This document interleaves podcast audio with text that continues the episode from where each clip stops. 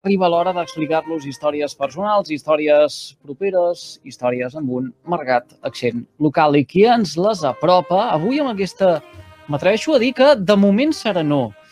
Amb la sintonia que ens ha escollit de fons és la nostra companya de Ràdio Montblanc, la Gemma Bufies. Gemma, bona tarda. Bona tarda. Bon Avui dilluns. entrevista en clau musical a ritme de jazz. Sí, com això que sentim ara, no? Aquest, aquest to tan suau, tan suggerent, tant de divendres nit també, no? D'allò d'una vetllada tranquil·la. Sí. Jo ara tinc un cafè, però si digués una copa, mira. En Damià em deia que li tingués preparat un gin tònic, eh? Ep, Ojut! Bueno, doncs aquesta música és perquè avui parlem del Dixieland Festival de Jazz de Tarragona, que torna, ha tornat a portar el millor jazz a tots els racons de la ciutat. I enguany, a més, arriba a la 28a edició.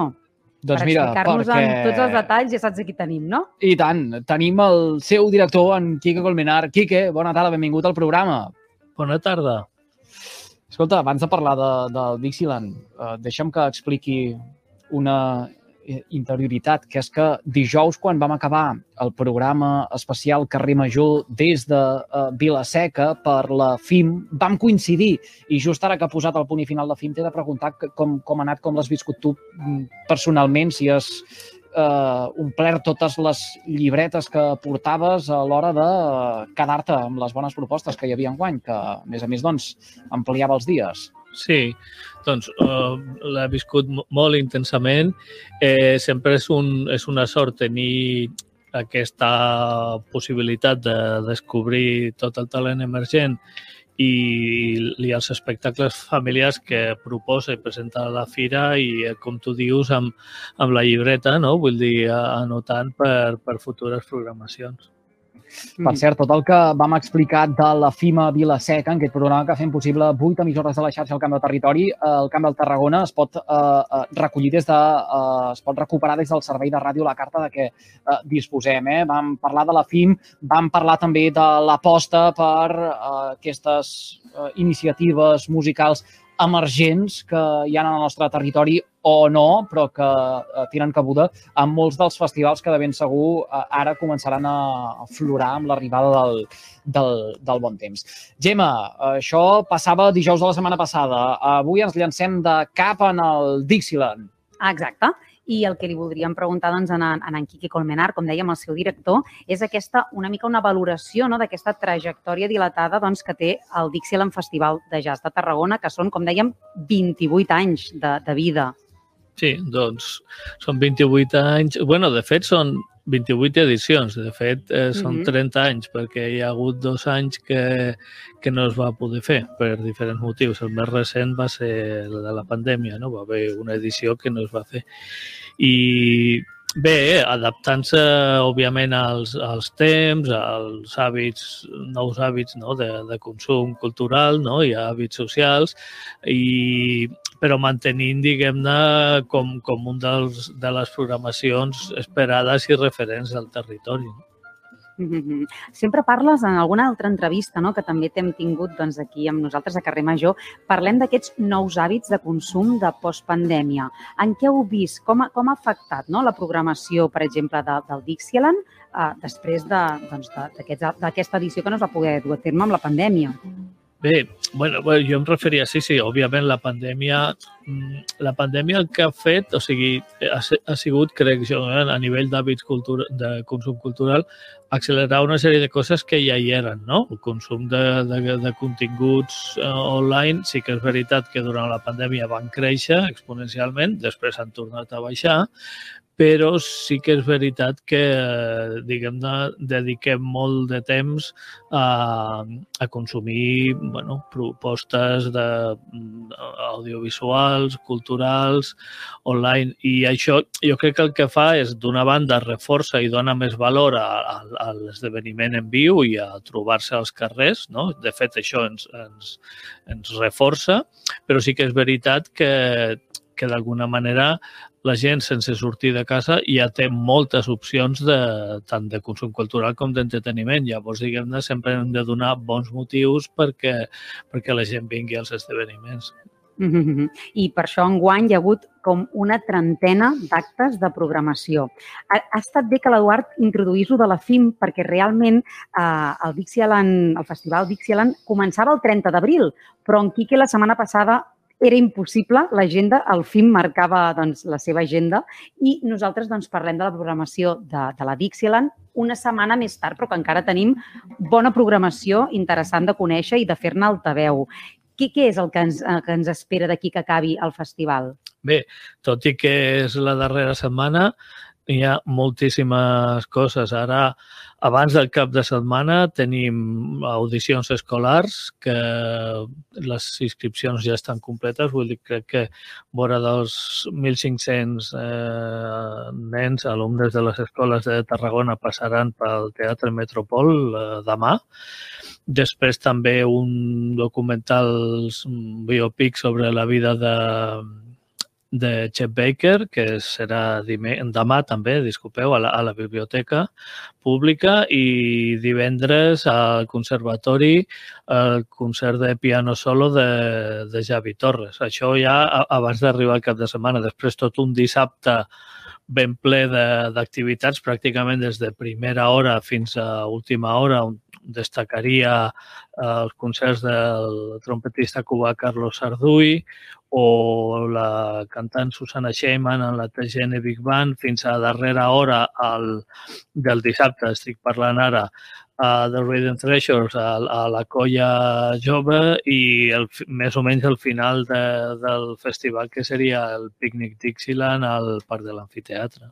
Mm -hmm. mm. Per tant, i, i m'he deixat coses, eh? vull dir que, però, eh, vull dir que, que d'aquí al diumenge hi ha pràcticament 12 activitats per tots els públics. Hi ha també la, la classe oberta de, de claquer, bueno, vull dir, consulteu la, la programació en detall, però que vull dir que encara en queden moltes coses i encara queden algunes entrades, perquè la veritat és que la, la majoria d'espectacles de, s'han exaurit i creiem que tots els del cap de setmana exauriran, però, però queden, queden entrades encara.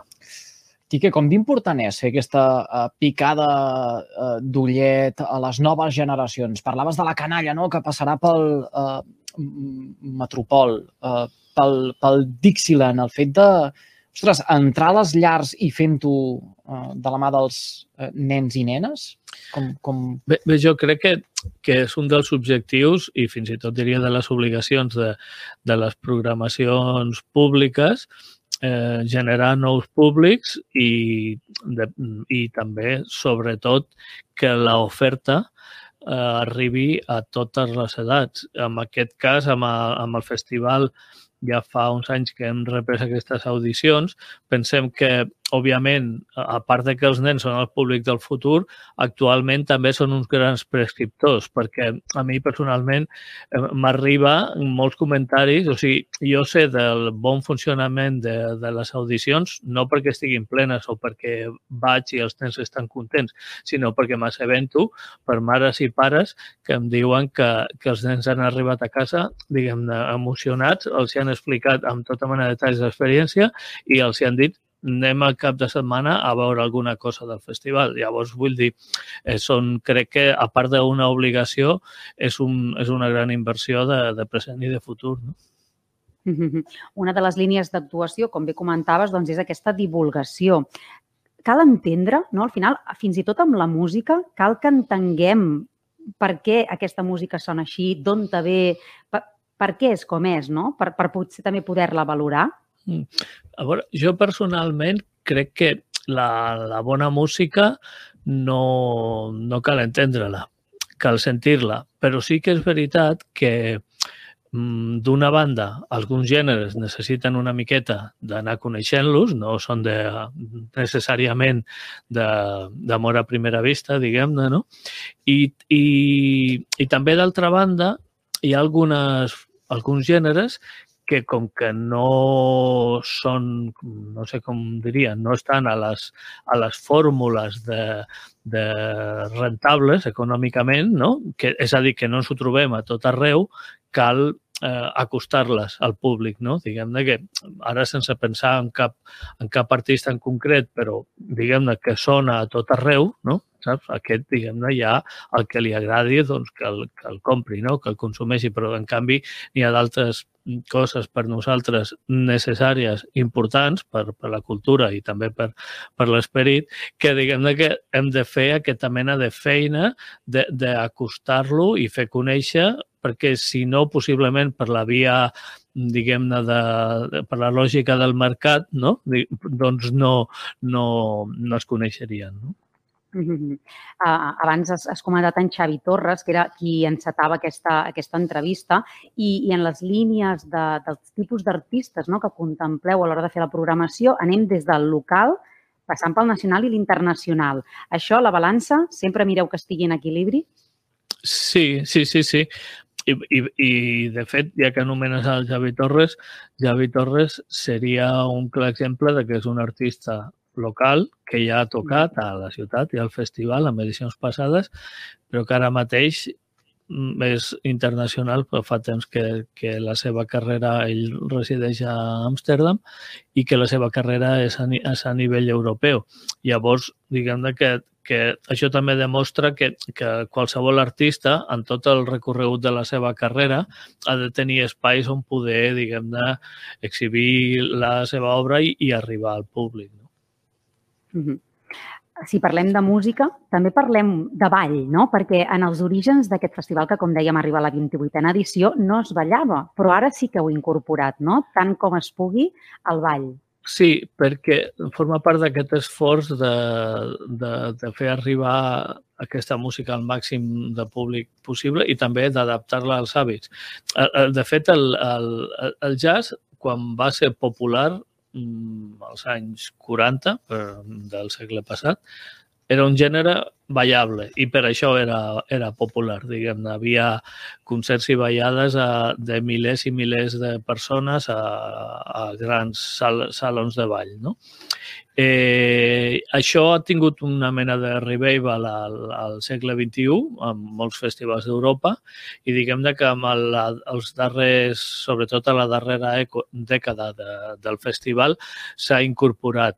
Però, de fet, és un reprendre... El festival, el seu origen mantenim el nom, que és Dixieland, però l'origen només feia aquest gènere, Dixieland. Ara ja s'obre a tots els gèneres de jazz tradicional i tenint mm -hmm. especial cura del que és més popular. No? I el, I el públic en general eh, val, valora eh, tota aquesta oferta que, programeu des del Diction? Ho dic perquè moltes vegades no, eh, tenim en ment allò de ui, el jazz, oh, que, que, que, que cansat o que, que si toquen sempre el... Sí, no? sí bueno, és un dels objectius, no? Vull dir que la gent tingui o unes primeres experiències o s'acosti sense, d'una manera lúdica i divertida i sense por a aquest, a aquest gènere. Després ja, mica en mica, de fet, les xifres fins ara el primer cap de setmana crec que les, que seria de venda aproximadament 1.200 de localitats venudes, no? Amb això, amb altres gèneres, ja costa de vegades, no? Llavors, pensem que aconseguir que encara no tenim les xifres definitives, òbviament, no? però que milers de mm. persones mm, comprin entrades o consumeixen o coneixen o s'acostin o tinguin una activitat encara que sigui lúdica, mm, però amb, amb aquesta música com a motiu, no només en si mateix ja és un, és un èxit, sinó que és la llavor per, per créixer en altres, en altres àmbits. No? Tinc ara mateix el programa d'aquest dimarts, del divendres, del dissabte, del diumenge... Això no dona temps de repassar-ho ara perquè hem d'anar a publicitat, però ho compartirem a les xarxes socials perquè tan sols amb un clic tothom se'n pugui fer una idea.